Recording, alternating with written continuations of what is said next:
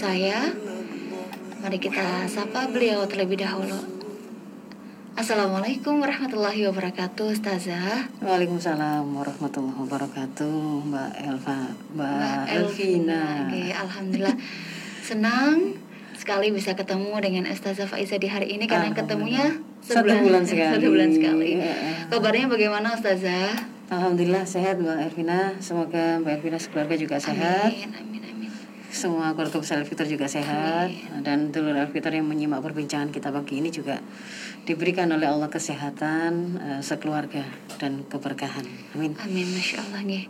Hari ini kita kajiannya Hari ini sengaja saya ingin membahas satu topik yang mungkin eh, bagi sebagian kalangan sebenarnya ini meskipun merupakan fenomena yang sudah masif terjadi tapi rasa-rasanya membicarakannya secara terbuka dan apa eh, akan me- menganalisa atau membahasnya dalam ruang-ruang publik itu kadang-kadang dirasa seperti agak Tabu. agak tabu begitu ya. Oke. Tapi sebenarnya persoalan ini itu Mbak Elvina ya ini maraknya perzinahan itu di tengah masyarakat kita itu bukan sesuatu yang susah untuk terkonfirmasi ya.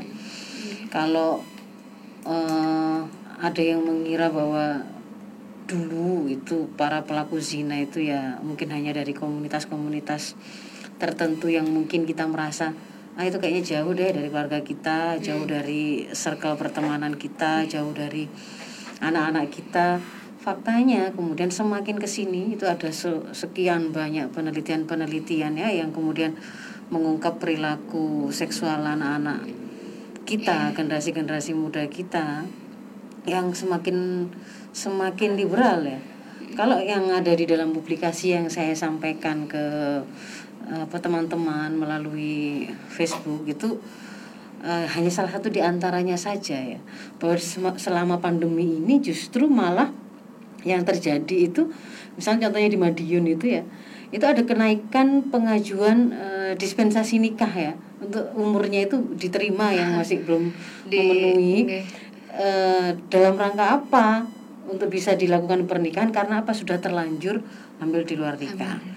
Kalau kemudian saya me, apa namanya pakai eh, pakai data yang itu langsung eh, saya mendapatkannya first hand gitu ya dari beberapa orang yang yang konsultasi ya, konsultasi kepada kami dari ibu-ibu yang eh, datang atau kemudian menghubungi kami untuk konsultasi eh, terkait dengan persoalan anaknya itu sudah mulai banyak saya temukan meskipun ibunya misalkan berkerudung begitu ya. Ibunya juga mungkin juga eh, biasa datang ke pengajian di kampung-kampungnya begitu.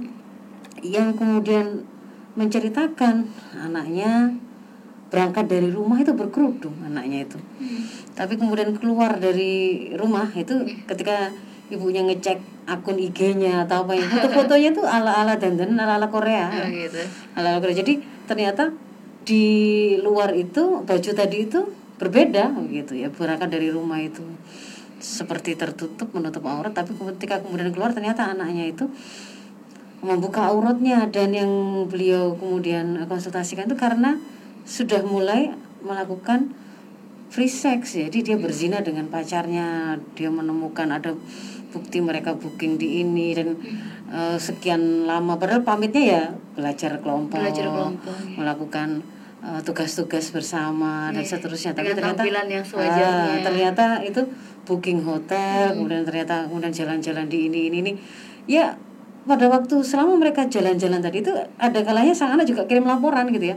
Misalnya kirim laporan itu sedang makan di sini mah cekrek gitu ya di foto. Nah ini sedang jadi di jalan ini saya cuma makan makan aja nggak mungkin kemudian dia memfoto aktivitas eh, sedang berzinanya itu.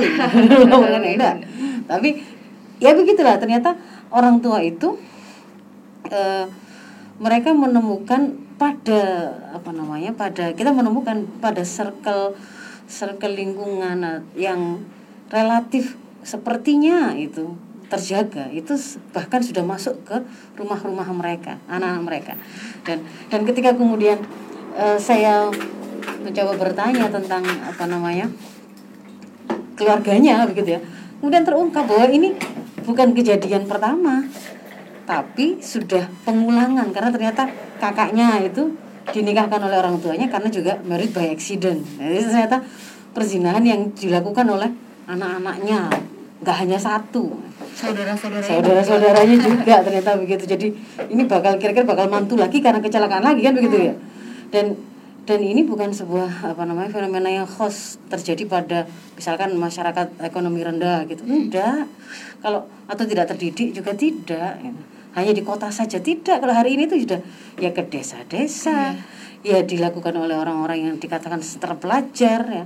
Fenomena munculnya Permendikbud tentang uh, pencegahan kekerasan seksual di kampus itu sebenarnya kalau mau diakui itu kan membuka borok bahwa di kampus itu ada fenomena itu. Ada fenomena yang kemudian dikatakan sebagai kekerasan seksual ya. Iya. tapi di situ kan berarti ada aktivitas eh di antara jenisnya itu kan ada perzinahan yang dikatakan sebagai kekerasan karena tidak ada unsur kesepakatan atau persetujuan kan begitu ya tapi di situ kita mengenal yang namanya kayak ayam kampus ada ayam kampus ya. apa namanya prostitusi di kampus atau di sekolah dan seterusnya. Jadi ini bagian dari persoalan kita hadapi sehari-hari. Ya, Mas Helmi, assalamualaikum. Assalamualaikum. Hadir. ya, jadi hari ini kita mau berbicara tentang saya, saya menyimak aja. Oh iya. Oke. Baik, saya lanjutkan Pak Elvina sama Mas Helmi. Jadi bahwa fenomena ini sebenarnya sudah sesuatu yang harusnya membuat kita sangat apa merasa Prihatin ya. miris ya. Orang tua itu sering kali ketika kemudian dia melepaskan anak-anaknya misalkan kuliah ke luar kota begitu ya. Eh, yang dia selalu cek, yang dia selalu fokus itu adalah anaknya itu segera lulus. Ketika kemudian wisuda menghadiri wisudanya juga dengan penuh kebanggaan luar biasa, tanpa kemudian eh, merasa perlu untuk mencari tahu ataupun kemudian merasa terganggu bahwa sepanjang sang anak itu tadi itu menempuh pendidikannya hingga dia mulai meraih gelar sarjana itu sebenarnya dia juga menorehkan prestasi berzina berulang-ulang. Berulang-ulang dan itu fenomena yang juga saya temukan juga meskipun di kampus yang notabene kampus Islam itu juga fenomena itu juga kita temukan begitu ya. Karena faktanya ada yang pernah eh, datang ke tempat kami periksa itu mahasiswa. Ada yang semester baru awal ada yang semester sudah tua. Yang itu mm, datang karena keluhan penyakit menular seksual ya. Karena ada keluhan-keluhan infeksi menular seksual begitu seperti raja singa. Yang itu kalau kemudian ditelusuri oh ternyata melakukan aktivitas perzinahan seks bebas begitu. Jadi ini adalah fenomena yang marak ya. Marak hari ini. Sebenarnya tidak hanya menimpa generasi muda kita juga berawalnya itu ya dari orang tua orang tua yang juga melakukan kebejatan yang sama. Hmm. kenapa kok kemudian pada waktu apa namanya hari ini apa tahun baru ya ini nanti menjelang tahun baru ya dua momen yang menjadi apa namanya momentum perzinahan massal dalam tanda kutip ya. Karena itu dijadikan sebagai momentum untuk untuk melepaskan eh, hasrat hedonisnya syahwatnya. Itu adalah tahun baru sama eh, apa Februari itu Valentine Valentine. Valentine ya kalau di Surabaya kan beberapa tahun sebelumnya itu ketika habis tahun baru begitu sampah-sampah yang ditemukan berserakan di Hmm. tempat wisata itu kan yang paling dominan juga di antaranya adalah kondom-kondom yang berserakan ya. Nah, kemudian kalau eh, Valentine's Day itu dijadikan momentum atas nama cinta begitu eh, seorang pacar itu kemudian memaksakan atau meminta pembuktiannya dengan cara kemudian sang pacarnya itu untuk mau kemudian berzina dengan mereka. Nah, dan ini menjadi sebuah eh, persoalan yang kalau kemudian kita biarkan gitu, kita biarkan persoalan itu tidak hanya akan merusak sang pelaku saja, tidak hanya merusak sang pelaku saja, tetapi akan mengantarkan bahkan secara umum kepada azab yang akan diturunkan oleh Allah secara umum ya kepada masyarakat ini. Kan eh, Allah berfirman wattaqu fitnatan la tusibanna alladziina dzalamu ya. Hendaklah kita itu takut kepada satu musibah, satu azab ya, yang akan diturunkan oleh Allah tidak hanya menimpa pada orang-orang zalim atau pelaku maksiat saja di antara kalian dan itu terutama ketika kita orang-orang yang mengerti orang-orang yang ngerti itu salah tapi kemudian mendiamkan. Maka di antara ancamannya adalah kita tidak akan apa namanya eh, kita juga akan kecipratan kerusakan itu dan kita juga akan eh, kalau di hadis itu bahkan doa-doa orang soleh di antara kita tidak akan didengar. Nah, Nah, kalau di hadis dikatakan ketika tersebar secara terang-terangan eh, zina itu akan muncul penyakit yang tidak pernah ada sebelumnya. Kan gitu kan? Ya ini kan kita juga mulai mengenal kan seperti HIV AIDS kemudian beberapa penyakit-penyakit yang sebelumnya tidak ada menjadi ada ketika kemudian tersebar zina ini juga sudah mulai sudah mulai kita alami. Jadi ini harusnya menjadi sebuah ke apa namanya kepedulian bersama ya. Kita harus kita harus mau mengakui ada masalah di di tengah-tengah anak kita bahkan juga di pergaulan kita secara umum. Dan kita menginginkan pada hari ini kita hendak melakukan upaya untuk perbaikan. Hmm. Nah, bagaimana kemudian caranya kita itu mencegah atau mencegah terlebih dahulu ya, mencegah dan melindungi anak-anak kita kalau kita bicara pertama anak-anak kita, tapi ketika saya membuat judul mencegah dan melindungi Ananda dari zina itu kok, kok hanya Ananda, arti sepertinya kok kita berbicara hanya personal saja, kita hanya melindungi anak-anak kita saja. Lebih baik kemudian saya saya luaskan menjadi bagaimana melindungi dan mencegah eh, generasi ini dari perzinahan. Jadi berarti kita ada unsur upaya juga untuk melindungi masyarakat secara keseluruhan. generasinya itu iya. macam-macam ya Nah, ya, jadi ya semuanya masyarakat ini semuanya harus kita upayakan untuk bisa terjaga dan terlindungi dari zina ini. Nah, bagaimana caranya? Kalau kemudian kita bicara eh, apa? Kita mencari tahu tuntunan dan solusi yang diberikan oleh Islam, maka kita akan temukan memang pelaku solusi ini ya, penerap aturan atau hukum yang diberikan oleh Islam ini itu tidak perorangan. Artinya solusinya itu kalau mau menyelesaikan masalah zina bukan hanya oh itu urusan bapak ibunya, enggak, enggak bisa sekedar begitu. Tapi ada tiga lapis pelaku ya. Yang pertama memang adalah perorangan, kemudian yang kedua itu adalah masyarakat secara eh, komunal, yang ketiga adalah eh, negara. Nah, kita akan mulai dulu dari yang level terkecil dulu ya. Apa yang menjadi amanah dan tanggung jawab kita sebagai personal. ya Kalau kita ingin me- mencegah anak-anak kita itu saatnya nanti itu eh, besar mereka itu sudah mulai memiliki naluri seksual yang sudah aktif ya ada keter, ketertarikan kepada lawan jenis yang sudah aktif. Tapi mereka kemudian bisa tercegah dari memenuhi naluri seksual itu dengan cara yang salah. Maka yang pertama pasti berasal dari kita runtuh dari sejak awal ya. Sejak awalnya itu apa? Kelahiran anak-anak itu. Kelahiran anak-anak itu itu harus berasal dari sebuah pernikahan yang mulia ya.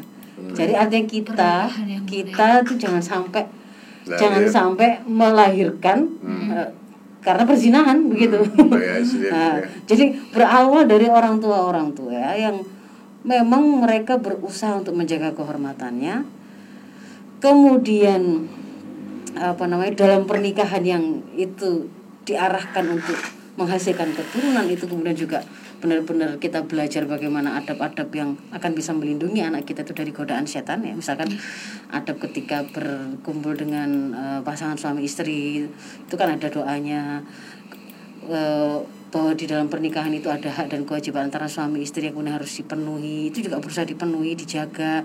Sampai ketika kemudian sang anak itu lahir ada ada untuk kemudian mengadzankan dan mengikomahkan di telinganya itu juga kan akan di antara eh, hikmah yang dijanjikan itu akan menjaga ananda dari perzinahan di masa datang kan gitu ya. Nah itu itu penuhi semua. Termasuk kemudian eh, jangan sampai memberikan kepada anak-anak kita itu makanan atau nafkah dari harta yang haram. Hmm. ya karena harta yang haram itu itu sudah sudah jelas disampaikan oleh Rasul. Dia itu tidak berhak kecuali dia itu dilemparkan ke api neraka. Makanya kalau eh, anak-anaknya itu saya selalu mencermati ya ketika kemudian ada banyak ibu-ibu atau keluarga yang mengkonsultasikan eh, anak-anaknya maksiat karena narkoba atau karena zina atau yang lain-lain itu saya kan kemudian selalu me- mencoba mengajak sang orang tua untuk kontemplasi ya, me- mendetili. Coba eh, di antaranya itu adalah sang orang tua harus tobat tobat dari taubat dari mereka tidak memberikan perhatian taubat dari tidak memberikan pendidikan ya, agama yang seharusnya sampai pada taubat rizki-rizki yang kira-kira masih ada keharuman itu dibersihkan. Nah itu biasanya kemudian muncul pengakuan yang lain bahwa iya ternyata memang ternyata ketika anaknya ditemukan zina itu ternyata suaminya juga zina gitu. Ternyata begitu. Jadi itu bukan sesuatu yang mengagetkan. Berawal dari keteladanan kemaksiatan dilakukan oleh orang tuanya ternyata dia anaknya juga melakukan hal yang sama. Ketika anaknya itu pakai narkoba gini-gini itu juga nggak biasa yang kita ditelusuri juga ternyata orang tuanya juga pemakai duluan gitu. Jadi tidak akan keluar dari uh, kan tidak tidak tiba-tiba gitu.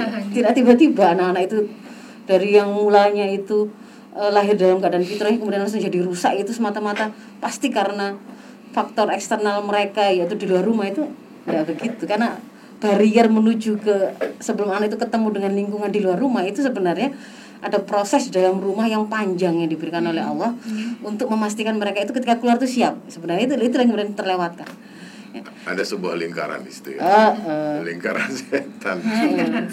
jadi jadi itu yang memastikan uh, apa rezeki nafkah yang kita berikan pada anak-anak kita adalah harta yang halal.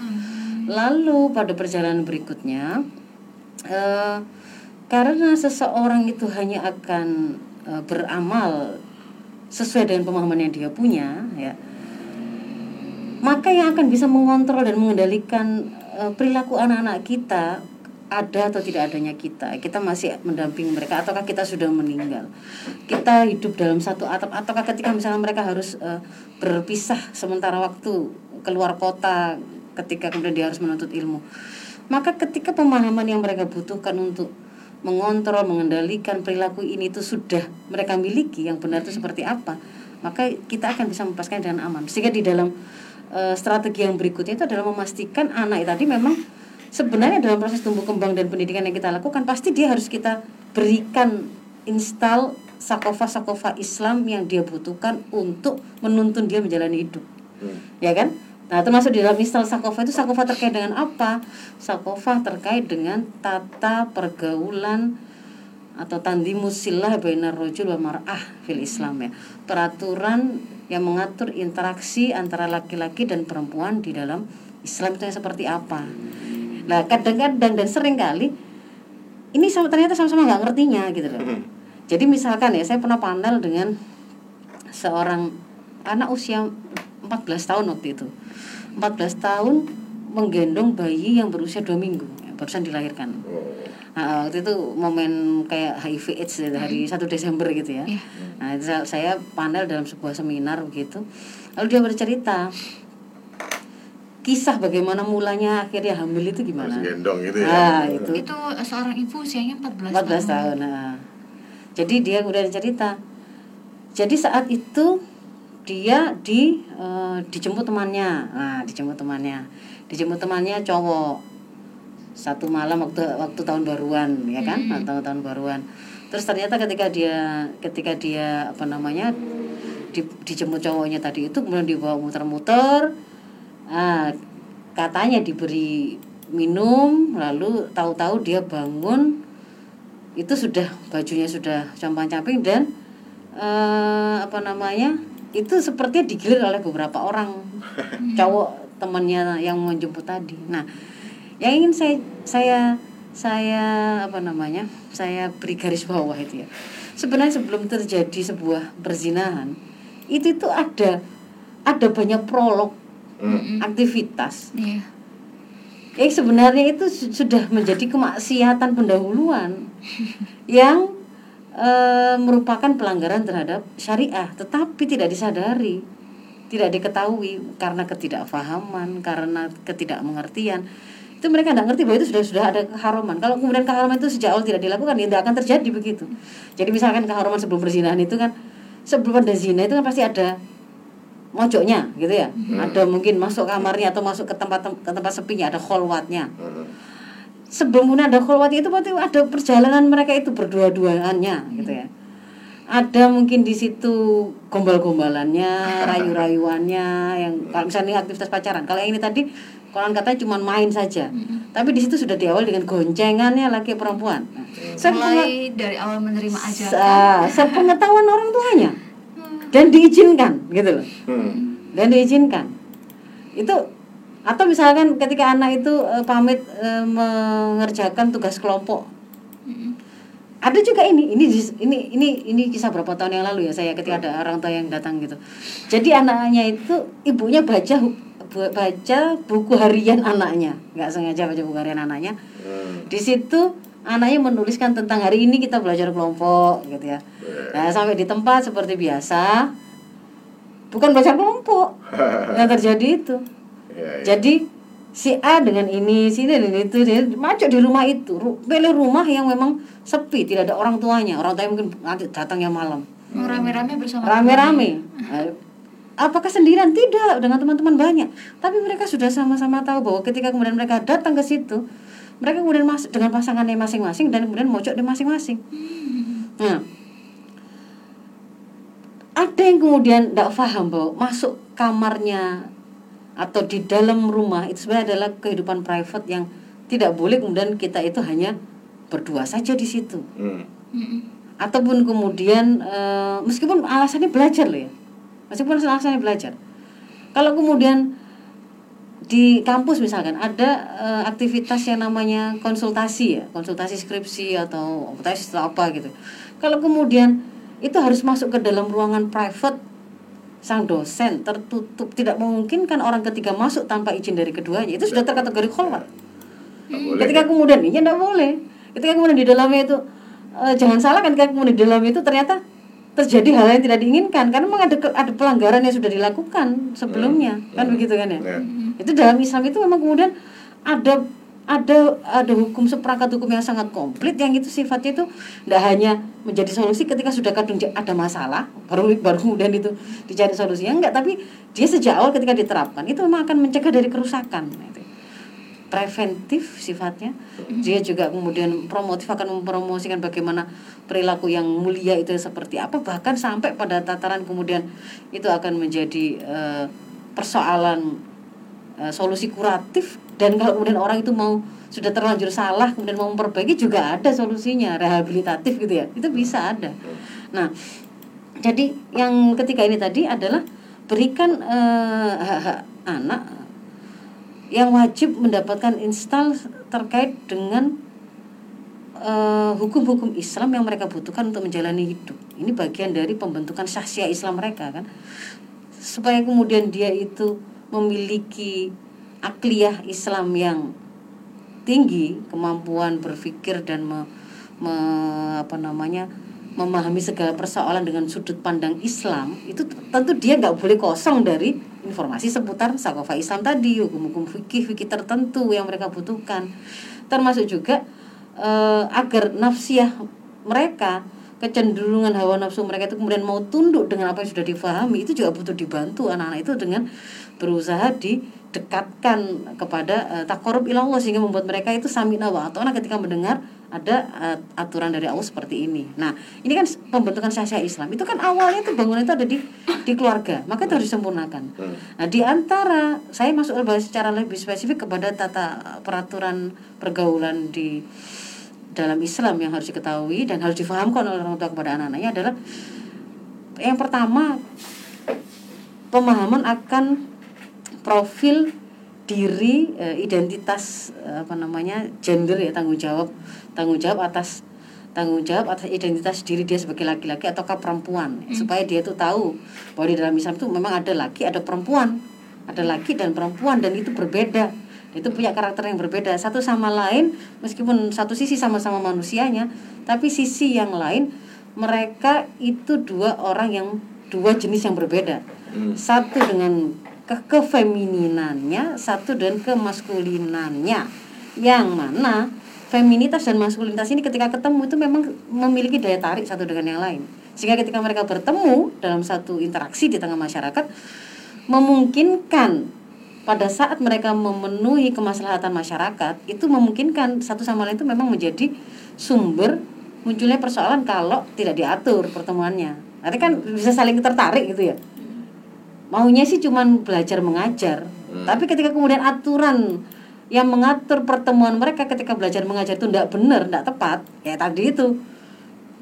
Boleh dia itu tampil apa saja dengan pakaian seperti apa saja. Sang guru juga boleh nyeletuk dan banyol atau dan memberikan apa namanya eh, contoh-contoh dan kalimat-kalimat godaan apa saja terserah itu sepe- seperti itu misalkan. Maka di situ bisa jadi yang perempuan akan tampil dengan upayanya untuk menonjolkan kefeminannya eh, suara-suaranya mungkin lebih di di ditonjolkan dimanja-manjakan Eh, semakin digoda yang yang laki-laki tahu bahwa perempuan itu suka dipuji maka dia akan keluarkan rayuan-rayuan dan pujian-pujian yang memabukkan. Apalagi ini si si perempuan itu tidak pernah mendapatkan perhatian itu dari ayahnya dulu ketika masa kecil ya, misalnya seperti itu. Maka dia di situ kemudian ada interaksi yang mulanya itu mau mau belajar mengajar yang sebenarnya itu adalah boleh. Tetapi karena tidak diatur dengan aturan yang benar dalam pertemuan itu akhirnya campur dengan sesuatu yang mengantarkan pada munculnya persoalan. Nah, maka pemahaman yang pertama bahwa paham kita itu laki perempuan itu memang sama-sama dari satu sisi sama-sama manusianya sama-sama membutuhkan solusi yang benar untuk menyelesaikan persoalan mereka sisi yang lain mereka punya dua jenis yang berbeda yang satu dengan yang lain saling bisa saling menjadi daya tarik dan me- me- merangsang san- naluri seksual satu dengan yang lain sehingga ketika pertemuan itu dilakukan harus ada aturan yang yang benar. Yang ini berasal dari wahyu mestinya yang menciptakan manusia gitu yang paling tahu. Nah aturan yang kemudian ditetapkan oleh sang pencipta kita itu kemudian menetapkan pada asalnya hukum asal jamaah perempuan dan laki-laki itu terpisah. Nggak campur baur campur aduk seperti orang di apa diskotik diskotik atau di gitu ya, ya. tapi pada asalnya itu terpisah seperti misalnya di jamaah jamaah di masjid. Laki dan perempuan itu laki-laki ada pada laki ada komunitasnya laki-laki perempuan pada komunitasnya perempuan dan mereka boleh bertemu untuk hajat yang syar'i. Seperti belajar mengajar atau ilmu tadi. Seperti eh, kesehatan melakukan pelayanan kesehatan. Bolehlah pasien perempuan ke dokter laki-laki atau sebaliknya pasien laki-laki ke dokter perempuan ketika membutuhkan seperti itu boleh. Atau kemudian kebutuhan-kebutuhan seperti jual beli gitu ya industri. Nah tetapi di situ ditetapkan oleh Islam pertemuan itu memang semata-mata untuk menyelesaikan kemaslahatan masyarakat dan itu hanya sebatas itu saja gitu. Tidak boleh di dicampuri dengan hal lain. Misalkan jual beli ya jual beli ya kita belum beli obat nyamuk gitu ya Mas Joko saya beli obat nyamuk nah itu kemudian ditambah perbincangan perbincangannya di luar itu. Kok kelihatan tambah cantik sekarang? Atau apa pun di situ kan mulai ada pertanyaan-pertanyaan sifatnya private kan di dalam dunia di dalam kehidupan publik tidak diperkenankan ada aspek private yang diumbar. Sekalipun itu bahkan dilakukan oleh suami istri ya. Hmm. Kemesraan-kemesraan tidak diumbar di kehidupan publik. Kenapa? Karena itu bisa menjadi musir atau pendorong bangkitnya naluri seksual pada orang-orang yang men- menyaksikannya. Dan bagian dari penjagaan yang dilakukan oleh Islam itu di, di ranah publik ini nggak boleh ada sesuatu yang kemudian memunculkan bangkitnya naluri seksual itu di kehidupan publik. Kalau di kehidupan private silahkan gitu loh. Boleh bahkan tidak ada batasan aurat antara suami dan istri. Tetapi kalau di luar tidak boleh. Nggak boleh, ya. Nah, maka di situ ada kewajiban menutup aurat. Auratnya harus dijaga, laki dan perempuan sama-sama menutup aurat. Ada kewajiban menundukkan pandangan, ya, Anur ya. Menundukkan pandangan. Itu menundukkan pandangan itu meskipun yang dilihat itu bukan aurat, sudah menutup aurat begitu ya. Tapi tidak boleh pandangannya pandangan yang penuh syahwat, kan gitu kan? Tidak boleh dengan apa namanya itu jelalatan ya. Justru dipendeli gitu kan uh matanya, uh ininya, uh dan meskipun hanya kalau laki-laki itu yang terlihatnya dari belakang misalkan, kan itu bukan aurat pasti itu, punggungnya kan bukan aurat itu dia pakai dia pakai baju. Tapi kalau kemudian pandangannya terhadap terhadap apa punggungnya tadi itu kemudian pandangan yang sifatnya itu sudah mengarah kepada ke laki-lakian atau ke perempuan seseorang, nah berarti itu harus di, segera dialihkan. Namanya menundukkan pandangan itu tidak boleh. Uh dadanya sangat bidang atau begini-begini, Oh, tidak bagus. boleh, harus dialihkan begitu. Jadi menutup aurat, menundukkan pandangan, eh, mulanya adalah terpisah dan bolehkan ketemu ketika hanya untuk melaksanakan apa yang menjadi hajah syar'inya. Kemudian tidak boleh ada kholwat, tidak ada kholwat. Ini harus paham ini. Jadi anak-anak itu harus paham bahwa ada kehidupan khusus, ada kehidupan umum. Kehidupan umum itu suatu kehidupan yang kalau kita mau memasukinya tidak butuh izin. Seperti kita masuk masjid, kita berjalan di jalan, kita ke pasar itu untuk masuknya kita tidak butuh izin. Kita naik bemo tidak butuh ya. izin, itu kehidupan umum. Tapi begitu untuk memasukinya itu dibutuhkan izin. Hmm. Nah itu tanda berarti itu adalah kehidupan khusus. Oh, iya. Mobil pribadi bisa nggak kita tiba-tiba masuk masuk nyelonong masuk mobil pribadi? bisa, Nggak nggak bisa. boleh. Berarti itu khayatul khos kehidupan khusus. Masuk rumah seseorang, masuk kamar kalau kos itu rumahnya itu mungkin masih yang di luarnya itu umum tapi ketika masuk ke kamar masing-masing itu yang butuh izin misalnya begitu ya. Berarti batasan itu adalah khayatul khosnya. Nah di dalam di dalam hayatul khos itu tidak boleh seseorang itu berduaan laki dan perempuan bukan mahram tanpa ada orang yang ketiga dan tanpa ada kebutuhan syar'i di situ tidak boleh. Kalau misalkan di ruang periksa dokter ya, kemudian harus membuka aurat untuk memeriksa, di situ itu kebutuhannya syar'i ya kan. Tapi di situ juga supaya itu menjadi sesuatu yang dibolehkan harus ada orang yang me, apa namanya me- me- me- menjadi orang yang ketiga untuk menemani misalkan suami dari sang istri yang diperiksa dan seterusnya. Nah ini kan kalau anak-anak itu sejak awal difahami wah ada hayatul khas ada hayatul am. Kalau di hayatul khas itu saya tidak boleh masuk ke rumah ke kehidupan khusus pribadi seorang hanya berdua saja itu terkena kholwat. Karena ad- orang mau masuk nggak bisa. Berarti boleh nggak hanya se semobil berdua saja misalnya laki dan perempuan? Tidak boleh. Nggak boleh. Bukan mahram, tidak boleh. Hmm.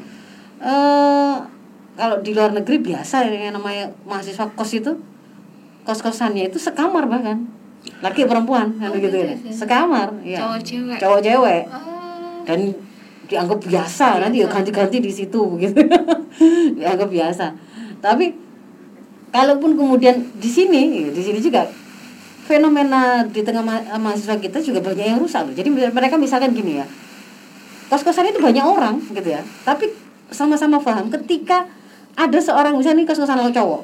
Ketika sang cowok itu membawa cewek ke kos-kosannya itu seolah-olah pengumuman. Siapa saja yang ada di dalam rumah kos-kosan ini keluar dulu. Karena saya membawa cewek. Oh. ngerti lah soalnya yang lain itu akan yang lain itu akan pamit. Saya tak beli makanan saya tak karena dia nanti dia akan berzina di situ. Itu menjadi suatu fenomena biasa. Nah. Lah itu kan sebenarnya kalau dia tuh paham ini jelas haram ini kholwat ini jelas haram ini masuk ke hayatul khos seseorang nggak boleh. Memasukkan ke rumah dia juga nggak boleh dia masuk ke rumah ke rumah apa ke hayatul khos orang lain juga nggak boleh begitu kalau dia tidak ada makrom nah, kemudian juga ke keharuman ikhtilat tadi ya ikhtilat itu campur baur dempet-dempetan bukan untuk hajah yang syar'i. Kalau kita di pasar kita haji kita umroh itu ikhtilat tapi yang diperbolehkan itu Syar'i ya. Iya. Tapi kalau kemudian ke diskotik, ke bioskop, nah itu bukan itu bukan ikhtilat yang syar'i yang dibolehkan, itu haram. Nah, harus paham anak-anak itu juga. Gitu kan ya. Termasuk orang tua juga kalau ada anaknya dijemput teman-teman itu harus ngerti loh, opo kok digonceng gitu. Tidak boleh seharusnya, tidak mengizinkan bapaknya. Hmm. Pamitan mau kemah loh, kemah, kemah, kemah gimana maksudnya? Siapa saja yang berangkat? Ada cowok, ada cewek begini-gini. Itu sudah bisa dibayangkan apa yang eh, jenis pergaulan seperti apa, interaksi inter- seperti apa yang terjadi di situ. Ada banyak keharuman. Nah itu harus paham. Ya, keharuman Dilarang ya, ikhtilat. dilarang ya. eh, keharuman ikhtilat. Terus kemudian yang lain-lain ada banyak. Yang kalau misalkan ini dorongan pelakunya itu adalah kema apa ketakwaan kepada Allah, rasa takut untuk bermaksiat kepada Allah ya. Tapi seandainya pun kemudian ini lolos ya, karena eh, mahalul apa anis al insan mahalul kota wanisyan ya manusia bisa jadi salah bisa jadi khilaf. Imannya naik turun. Pada waktu misalnya dia tuh khilaf lalu kemudian melakukan kemaksiatan ini ada lapis kedua yang dimiliki oleh Islam yaitu masyarakat Islam itu senantiasa menjadi masyarakat yang melakukan amar ma'ruf nahi mungkar. Jadi dia tidak cuek. Dia tidak cuek.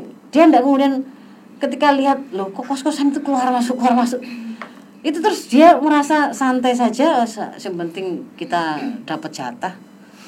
Yang punya kos kosan juga diam saja dia yang penting saya dibayar kos kosan saya haram itu dalam Islam tidak boleh. Para anggota masyarakat di tengah-tengah masyarakat Islam itu harus menyempurnakan kewajiban amar ma'ruf nahi munkar. Saling dia- menjaga, kan? iya dia harus kemudian melakukan koreksi izalatul mungkaro itu hingga ekivalen atau se- setara dengan istitoahnya kan man ra'a minkum mungkaran fa yughayyir bi yadihi fa illam yastati' fa bilisani fa biqalbi kan sesuai dengan kemampuan yang dia punya.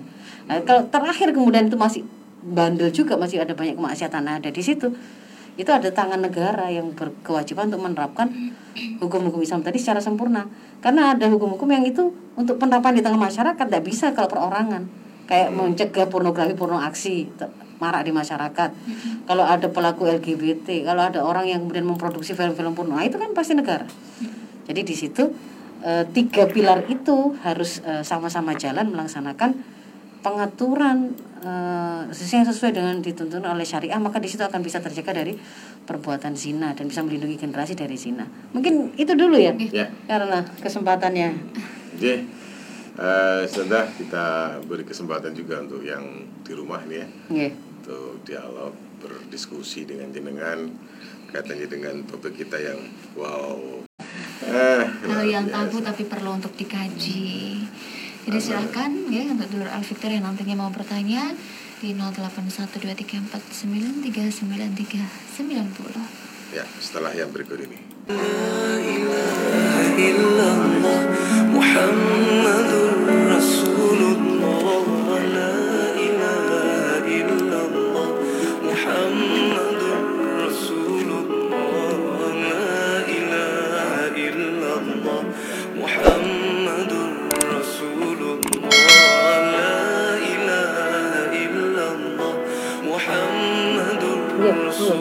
ada pertanyaan? Baik, Dulur Victor. Kesempatan bagi Anda bisa bertanya melalui 081 234 9393 90 berikut ini. Saya Elmi Aswari bersama Saya Alvin Haji. Kita akan lanjutkan lagi kajian tema hari ini tentang mencegah zina. Ya, ada Ustazah Dr. Faiz Zatur Rosida. Silakan Anda masuk dulur. Uh, masih ada waktu. Jadi ada yang masuk siapa ini? Eh, kita ke pertanyaan WA dulu ya. Boleh, silakan. Assalamualaikum Ustazah. Waalaikumsalam warahmatullahi Hmm, pengasuh dan pendidik anak di zaman now itu sekarang justru ekstra hati-hati dan butuh tenaga, waktu dan segala cara yang harus diperjuangkan. Anak saya ada tiga, perempuan 14 tahun, satu eh, 11 tahun dan 10 tahun. Hmm. Eh, dan lima tahun anak laki-laki saya seorang eh, anak laki saya saya seorang single parent Hmm. yang harus double peran dalam mendidik dan mengawasi mereka 24 jam saya harus antar jemput kegiatan anak-anak dan sengaja usaha saya ini hanya via online karena saya percaya dengan apa ini saya mengurus Anak anak tanpa harus kerja di luar. Insya Allah rezeki datang dari mana saja. Dari Allah Subhanahu wa taala. Pangapunten. Saya anak pertama saya seorang Sering eh, sering dibully ya Hmm. oleh teman-temannya ketika bermain main jilbabnya ditarik-tarik, ditaruh lepas dan dan Disuruh sebagainya. lepas. Disuruh lepas dan sebagainya. Akhirnya anak saya menasehati anak-anak. Apa ini? Anak-anak saya. Hmm, panjang sekali sih. Akhirnya anakku menasehati anak-anak saya bahwa jilbab itu wajib digunakan sebagai wanita muslimah ibuku mengajarkan begitu di dalam Al-Quran Eh, baca selengkapnya ini berita apa pertanyaan Allah. silakan mungkin di Ya. bagian bawah ada pertanyaan Ya, mungkin. pertanyaannya Atau mungkin sharing itu tadi mungkin Mas Erwin. ketika akhirnya kelas sharing. sudah ada pertanyaan nggak ada pertanyaan Sharing berarti Ya. beliaunya. Heeh, Alhamdulillah. Oke. eh, yang saya tanyakan ini ya Ustazah. Eh, ada. Sering kali itu yang terjadi oleh orang tua dan anak itu biasanya orang tua itu padahal niat dalam hatinya ingin eh, mengawasi, mendampingi anaknya secara ekstra, tapi Hmm. penerimaan seorang anak itu kan terkadang biasanya orang tuanya itu nggak eh, orang tuanya itu mengekang. Nah ini bagaimana untuk meng- mengubah persepsi yang menurut anak ini adalah mengekang dan juga bagaimana cara orang tua agar bisa mendampingi tapi tidak terlihat seperti mengekang anak gitu. Bagaimana Ustazah kalau menghadapi hal yang seperti ini? Iya. Jadi gini, sebenarnya anak-anak itu akan akan paham bahwa yang diinginkan oleh orang tuanya itu adalah kebaikan ketika dia memberi nasihat itu sebenarnya bukan karena eh, kebencian bukan karena atau kalau misalnya mengingatkan dengan cara yang keras pun dia menerimanya itu adalah bentuk cinta itu ya kat- itu terbangun secara alami dalam proses kita membangun kedekatan dengan mereka. Saya ingin kita singkat saja dulu. Anak-anak kita itu ya sering kali yang bermasalah-bermasalah ini itu biasanya orang tua orang tuanya itu menyampaikan hubungan mereka jauh sudah terlanjur jauh gitu. Memang terlanjur jauh. Mau menuturi itu juga kelu rasanya. An- orang tua itu juga mau mau menyampaikan mau nuturi enak ngajak ngomong enak-enak itu juga susah karena ternyata hubungan mereka itu tidak dekat tidak baik. Nah sebelum anak-anak itu sebenarnya itu kemudian menjadi anak-anak yang jauh sebenarnya itu proses eh, kedekatan keterlekatan anak dengan orang tua mulai dari sangat lekat hingga kemudian mereka itu mandiri dan merasa tidak butuh dengan orang tua itu ada ada tahapannya. Yang pertama itu tahap tahap intim ya. It- yaitu usia dini. Itu adalah usia di mana anak-anak itu ada pada keadaan yang memiliki kedekatan secara alami dan orang tuanya. Karena pada usia itu adalah usia di mana mereka itu membutuhkan membutuhkan apa namanya layanan hikmah apa pun pemenuhan kebutuhan itu dari orang tuanya. Maka orang tua itu menjadi orang orang yang paling dekat paling punya potensi untuk menjadi orang paling dekat dengan anak-anaknya. Kalau mereka memenuhi memang menjadi orang tua yang hadir pada saat itu untuk kemudian melakukan pelayanan kepada kebutuhan-kebutuhan anaknya yang tidak sekedar cuman tidak sekedar cuman apa kebutuhan eh, nafkahnya tapi kemudian sentuhan pelukan, ciuman, pujian, dia dimandikan, ketika dia sakit dia tuh pernah merasa diobati, ketika kemudian dia nangis dia merasa pernah dipeluk, itu semua itu bagian dari yang secara alami akan mendekatkan anak pada usia itu. Lalu setelah itu masuk usia sekolah. ya. Ini usia sibuk. Jadi kalau kita tuh punya anak sudah mulai masuk usia 7 tahun kedua, setelah itu kan dia akan mulai sekolah terus-terusan gitu ya Mas Armi ya. 6 tahun plus 3 tahun plus 3 tahun plus nanti kuliah. Setelah itu dia tuh memang mulai sibuk ini. Kalau di dalam Islam itu tujuh tahun kedua itu masa di mana mereka harus ditanam ditawan dengan ke ditawan dengan kedisiplinan kan? Perlakukan seperti tawan itu maksudnya ditawan dalam ketaatan dalam kedisiplinan. Dia mulai mengenal lingkungan di luar rumahnya, teman-teman baru. Di situ dia mulai banyak informasi-informasi baru. Dia dapatkan, dia melihat bagaimana gambaran interaksi atau relasi antara orang tua temannya dengan temannya, ya temannya dengan orang tuanya kayaknya kok sering ngomong-ngomong, sering makan bersama, kok sholat bareng atau apa itu dia melihat itu dan akan membanding-bandingkan, membandingkan antara yang dia alami dengan apa yang dia lihat. Dia punya punya eh, penilaian baru dari yang sebelumnya itu pokoknya apa yang dikatakan orang tua itu sebagai kebaikan, sekarang dia punya punya informasi dan wawasan baru. Di situ kemudian sebenarnya kita masih ada pada pada posisi yang tetap bisa mendapatkan kedekatan itu dengan anak kalau pada usia itu kita menjadi kita ada pada posisi di mana yang pertama menjadi orang tua yang membangun kepribadian sang anak baik baik eh, pola pikir maupun pola sikap. Jadi kita yang menginstal informasi-informasi pemahaman-pemahaman mereka tentang Islam itu dari kita. Sampai anak itu bisa melihat orang tua saya itu hebat, ya teladan dalam kebaikan, dia yang mengajarkan saya mengerti baik dan buruk, dia juga yang men- menjadi contoh. Termasuk juga di usia ini adalah ada banyak golden golden moment yaitu masa di mana anak mengalami kesulitan membutuhkan bantuan membutuhkan solusi kita hadir ya. Satu dia pernah dibully dia di anu sama temannya di sekolah dia nangis pulang ke rumah. Nah ada kita itu akan secara alami akan membangun kedekatan dan momen yang lain adalah ketika dia berprestasi. Dia ingin berbagi kebahagiaan dia ingin menceritakan prestasinya dia ingin mendapatkan penghargaan atau apresiasi. Ketika kemudian kita juga hadir di situ itu juga akan menjadi momen yang menguatkan. Karena setelah ini nanti mulai usia 14 setelah 14 tahun yaitu 7 tahun ketiga itu memang usia di mana anak itu justru memang kita lepaskan. Dia kan sudah terbentuk sahsia Islam dia, waktunya dia membangun profil kepemimpinan di tengah masyarakat ya pengaruh lebih luas lagi tidak hanya di rumah. Jadi pada saat itu justru kita harus siap untuk melepaskannya. Lah saya kan sekarang kan kebalik. Ketika kemudian waktu masih kecil tuh dititip-titipkan orang malah dia nggak membangun kedekatan sehingga tidak dekat. Ketika sekolah juga dia juga nggak nggak sama sekali nggak punya nggak punya memori yang diingat oleh anak dia diinstal ini oleh orang tuanya dia diberi nasihat begini dia pernah diberi solusi seperti ini ketika dia menemukan masalah. Dia tidak ada memori itu gitu ya. Tiba-tiba kemudian ketika kemudian anak itu sudah SMA kuliah kita merasa aduh lingkungan ini sekarang sangat rusak. Kamu di rumah saja jangan keluar keluar lah salah. Itu waktunya dia di luar dilepas gitu ya. Sampai nanti ketika kemudian setelah 21 tahun itu sudah masanya dia mandiri bahkan dia akan mengambil kepemimpinan di luar dirinya. Jadi dia membangun keluarga sendiri nah nah yang kemudian eh, tadi itu ya ketika ke, ke apa kedekatan tadi berjalan dengan seharusnya sebenarnya ketika kemudian di situ ada larangan orang tua kita sampaikan gitu ya anak itu ngerti ini karena orang tua saya sayang menginginkan kebaikan tapi biasanya di antara indikator bahwa ada hubungan yang tidak baik antara ada hubungan bermasalah antara orang tua dengan anak itu ketika kualitas perbincangan kita itu hambar, tidak dekat, tidak bisa ngomong rekat, elat itu berarti menunjukkan bahwa ada masalah.